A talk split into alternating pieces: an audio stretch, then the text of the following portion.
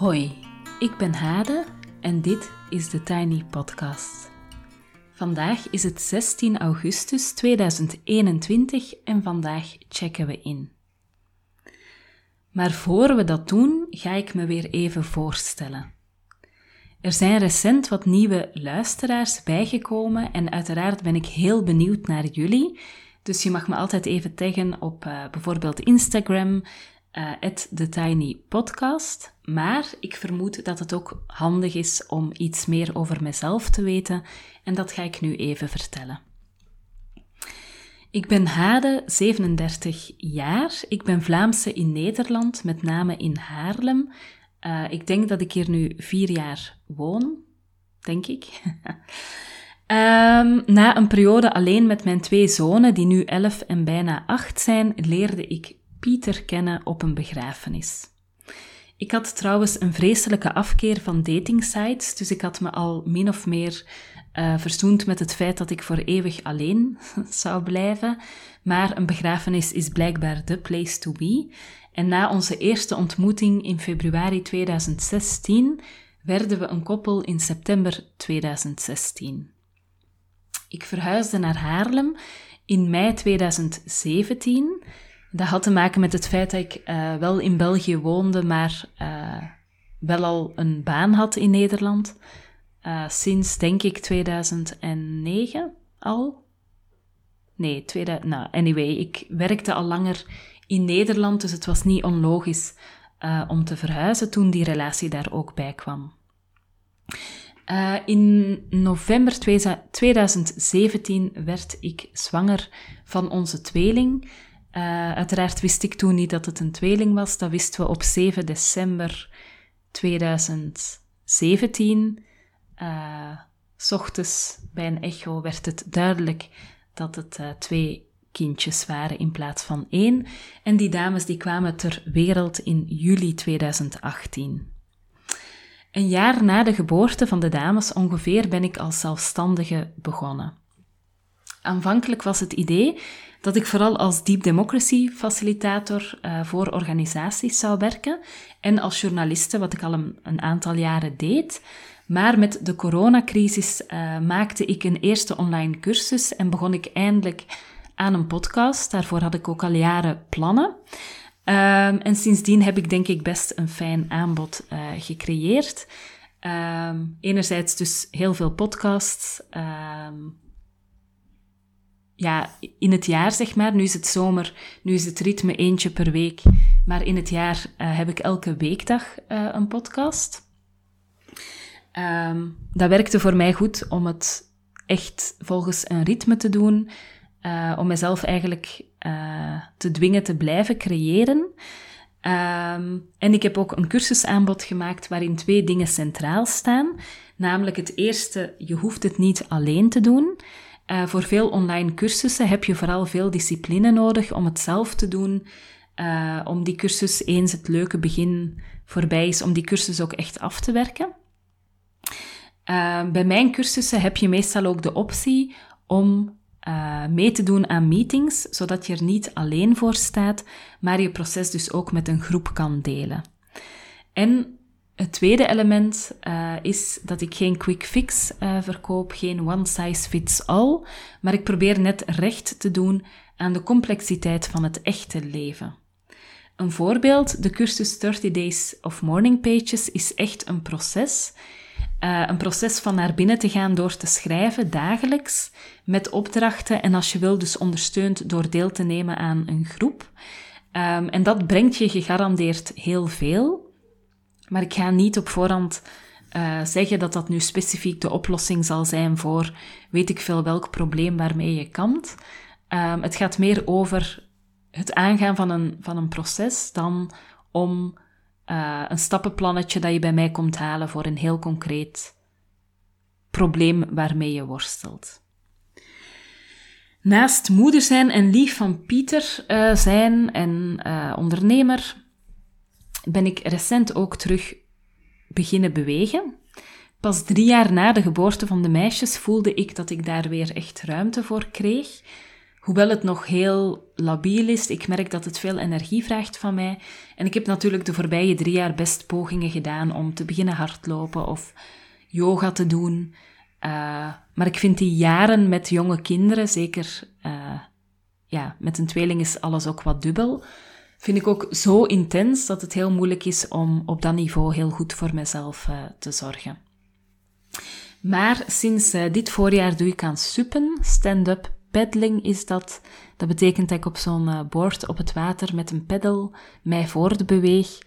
Um, en voor mij betekent dat dat ik mijn angsten te lijf ga. Um, en op momenten dat ik mij niet bang voel op mijn uh, vind ik het echt van een geweldige schoonheid en rust om op zo'n board staand over het water te glijden. En dan heb ik uiteraard mijn telefoon niet bij, want ik wil natuurlijk niet dat die in het water valt. Uh, dus ik ben helemaal bezig met in dat moment zijn en opletten dat ik niet in het water val en dat ik wel vooruit kom en ja, te voelen wat het water doet en wat de wind doet en gewoon hoe het is, zeg maar. Hoe mijn evenwicht is. En dat doet mij echt heel veel deugd om, uh, om te doen. Voilà, genoeg over mij. We gaan inchecken. Inchecken doen we elke week op maandag in deze podcast en dat gaat als volgt.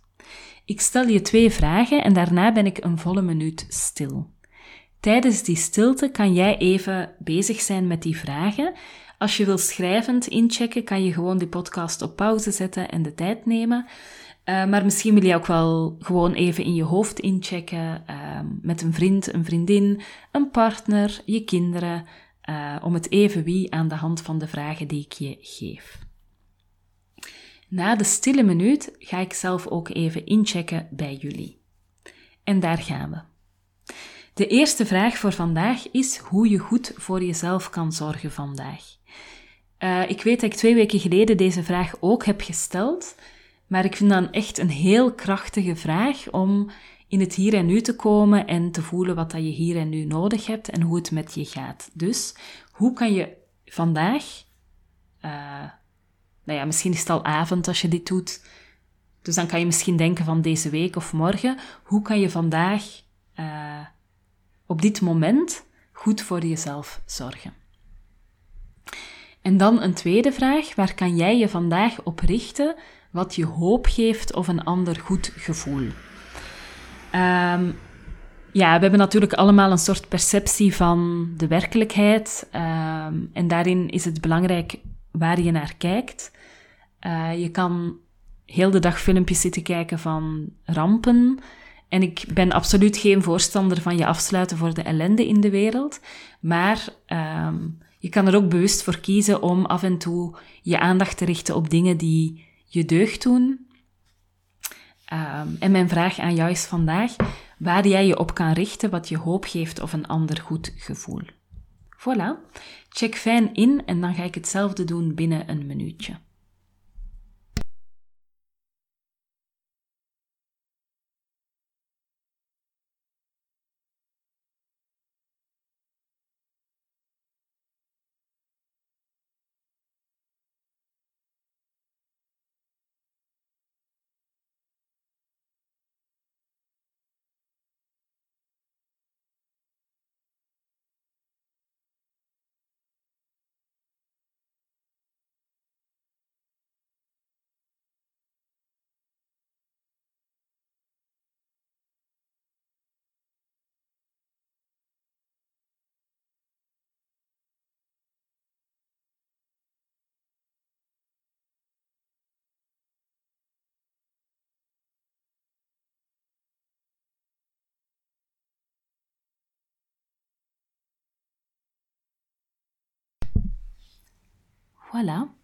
Ik ga inchecken bij jullie. Uh, de eerste vraag, hoe ik vandaag goed voor mezelf kan zorgen, dat zit in kleine dingen. Uh, bijvoorbeeld, ik heb op mijn kantoortje, dat klinkt nu heel kneuterig, een voetenbadje dat ik kan vullen met uiteraard warm water, magnesium en uh, ik heb hier ook Weleda lavendelbad staan. En ik vind het heerlijk om mijn dag daarmee te starten. Ehm, ik schrijf dan met mijn voeten in een badje dat dan onder mijn bureau staat, waardoor ik ook veel minder de neiging heb om op te staan en weg te lopen als ik even vastloop in het schrijven. Dus dat houdt mij ook op mijn plek. Ehm, en dat houdt mij daardoor ook kalm en gefocust. En het doet mij ook puur fysiek uh, deugd. Verder voel ik dat ik het vandaag een beetje prikkelarm wil houden. Ik voel dat ik daar echt wel nood aan heb. Een deel daarvan is dat ik niet thuis ga lunchen. Hoewel ik dol ben op mijn kinderen, vind ik het ook best heftig als ze bij de oppas zijn. En als ik dan thuis ga lunchen en als ze dan eigenlijk dolblij zijn dat ik er ben, en vervolgens super verdrietig omdat ik dan na een half uur of veertig minuten weer weg moet gaan. En dan begin ik eigenlijk standaard met een rotgevoel uh, aan de middag. En dat gaat zo ver dat, uh, ja, s'avonds als ik thuis kom of zo, dat dan, dan ga ik bij hen zitten en dan knuffelen we en dan zegt Janne, Moeke, ga jij nog weg? En dan vind ik dat zo erg. Ja, dat, dat, ik denk, zij wil gewoon even checken van, ga je nu thuis blijven of ga je nog weg? Maar mij raakt dat dan zo erg in mijn, in mijn moederlijk schuldgevoel, um, dat ik voor vandaag even besloten heb om niet uh, thuis te gaan lunchen, omdat ik niet altijd weer in die rol wil van een moeder die er wel dan even is, maar dan ook wel weer weggaat. Um, ja, ik heb soms het gevoel van dat dat mij dan zoveel bezwaart en dat dat voor hen misschien ook verwarrend of moeilijk is, dat het gewoon niet goed is om standaard dan thuis te gaan lunchen. En Pieter zegt daarover van ze moeten daarmee leren omgaan en dat is ook zo. En we leggen ook gewoon uit dat we altijd terugkomen. We zijn bijvoorbeeld ook elke avond om vijf uur stoppen we ook. En dan is het uh, tijd voor het gezin. Um, maar toch voel ik op sommige dagen dat ik mezelf even wil afschermen van dit, uh, ja, dit gevoel. Tot slot ga ik vandaag ook zeker diep werk doen. Dat geeft me veel meer bevrediging dan allemaal kleine klusjes, waardoor ik ook s'avonds de dag beter kan loslaten. Um, ik merk dat er echt een verschil is. Als ik allemaal van die kleine dingetjes heb gedaan, ben ik een beetje opgefokt. Uh, terwijl als ik echt diep werk heb gedaan, een paar uur in iets ben gedoken, daar ook echt een resultaat van heb, dan voel ik mij veel prettiger aan het einde van de dag. En dan kan ik ook veel beter de werkdag achter mij laten en thuis ook met veel meer aandacht en energie aanwezig zijn. We denken vaak dat goed voor onszelf zorgen te maken heeft met bruisballen in bad, massages, dagjes vrijnemen en bijzondere dingen gaan doen. Maar wat mij betreft zit het net vaak in het dagelijks inchecken bij mezelf. Echt elke dag. En als ik opgefokt of, of geïrriteerd of moe of verdrietig ben, vaker dan, dan één keer per dag. Dus echt even inchecken bij mezelf, even voelen wat voor kleine dingen mijn dag beter zouden kunnen maken. En vaak hebben die dingen bij mij te maken met een bepaalde prikkelgevoeligheid. En ik denk dat dat dan weer te maken heeft met het feit dat ik best uh, vermoeid ben door het leven met jonge kinderen. Dus de vraag uh, voor mijzelf is: ben ik over of onderprikkeld? En wat moet ik dan doen om weer in die oké-zone te komen? Um, ik denk dat overprikkeling dat dat voor, zich spreekt, dat veel mensen dat gevoel kennen. Bijvoorbeeld um, heftig reageren op veel lawaai dat er uh, is. Um, een voorbeeld van onderprikkeling is bijvoorbeeld ook bij repetitieve huishoudelijke dingen, zoals de was opvouwen, ben ik uh, onderprikkeld en dan merk ik aan een soort van stress die ik krijg, een soort van onrust in mijn hoofd. Wat dan kan helpen is bijvoorbeeld een goede podcast luisteren tijdens dat soort klusjes. En dat helpt me dan om mijn hoofd bezig te houden, zodat ik niet ambetant of ja, geïrriteerd geraak van um, het repetitieve saaien van het klusje dat ik aan het doen ben. Ik denk dat veel mensen uh, denken dat ze enkel stress krijgen van te veel, maar we krijgen wel degelijk ook stress van te weinig.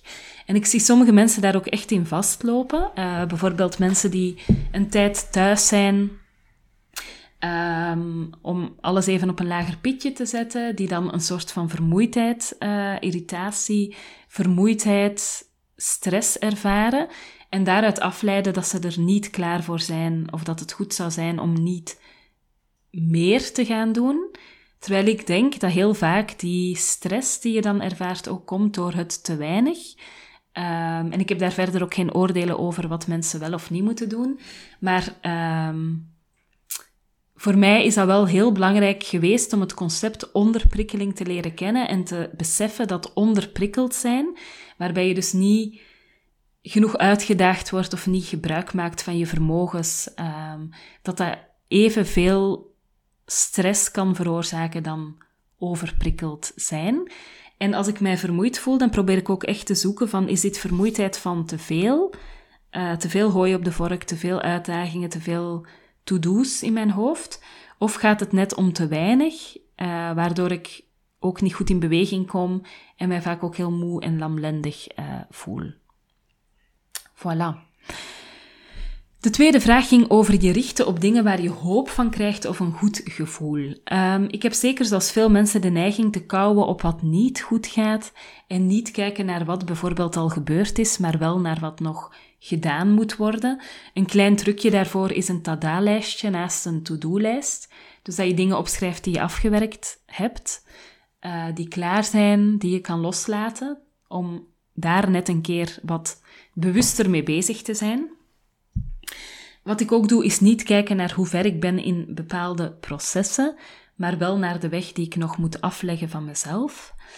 Maar er zijn ook altijd dingen waarvan ik hoop krijg ehm, en waarvan het dus goed zou zijn als ik daar een beetje bewuster naar zou kijken.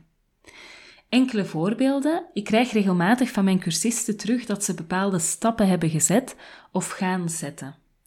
Zo hoorde ik net nog van een heel fijne vrouw dat ze zich heeft ingeschreven voor zowel een creatieve opleiding als voor Deep Democracy Level 1, uh, omdat ik Deep Democracy technieken gebruik in mijn cursussen en ze daardoor erg was geraakt.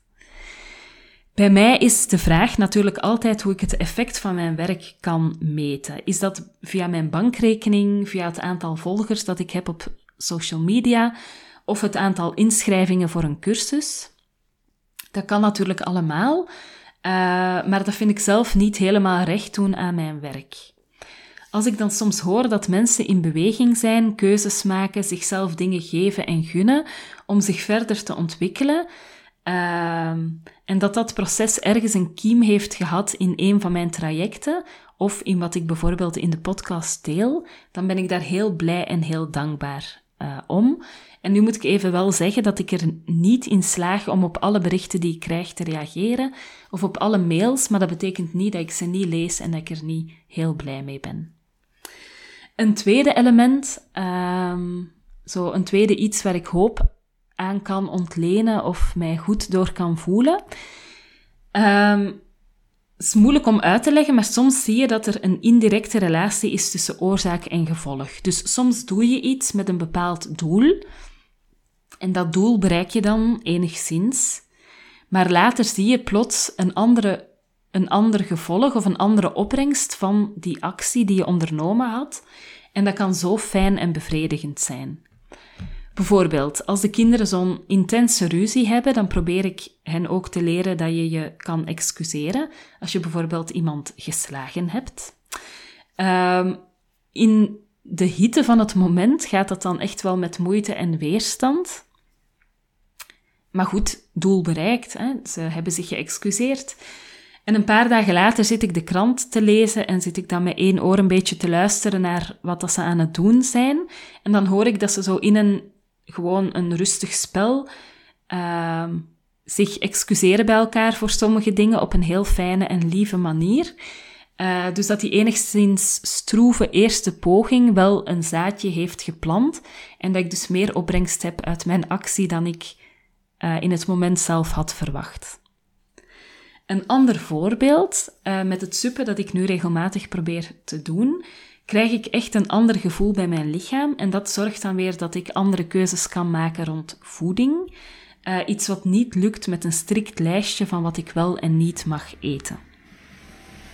Dus dat suppen heeft dan een bepaalde opbrengst, namelijk ik beweeg, maar er is ook zo'n extra opbrengst, namelijk ik heb terug wat meer voeling met mijn lichaam. Of in mijn werk. Ik heb uh, anderhalf jaar gewerkt aan het opbouwen van mijn aanbod. Uh, betekent ook niet dat dat klaar is hoor. Mijn aanbod is ook altijd in ontwikkeling. Met als resultaat dat mensen cursussen natuurlijk deden bij me. Dus dat is heel simpel. Je maakt een cursus, je, je, je maakt die bekend, mensen schrijven zich in, je geeft die cursus. Dus daar is de cirkel rond.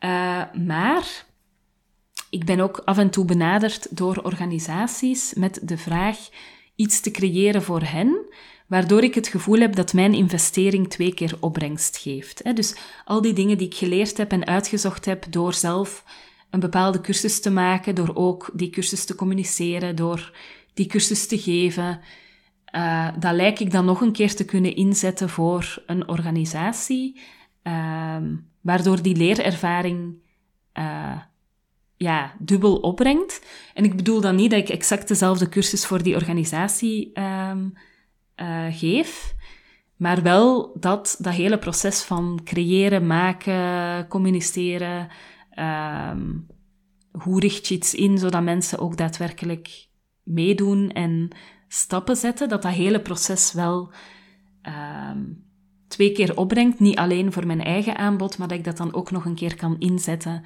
die kennis, die ervaring voor het aanbod van bijvoorbeeld een organisatie. Voilà. Um, soms geeft dit inzicht hè, dat iets een diepere opbrengst kan hebben dan de opbrengst die je eerst hebt beoogd, die ook mogelijk soms tegenvalt. Dat geeft mij vaak echt wel ruimte uh, en dat relativeert ook zo de heel strikte ja, relatie tussen oorzaak en gevolg. Hè? Van als je een cursus, als je genoeg deelnemers wil voor een cursus, dan moet je marketingplan maken en dat dan strikt volgen. Uh, waarschijnlijk is dat wel zo, maar ik merk dat er zo naast dat, dat directe verband ook nog zo'n diepere beweging gaande is en dat geeft me altijd heel veel hoop. Voilà.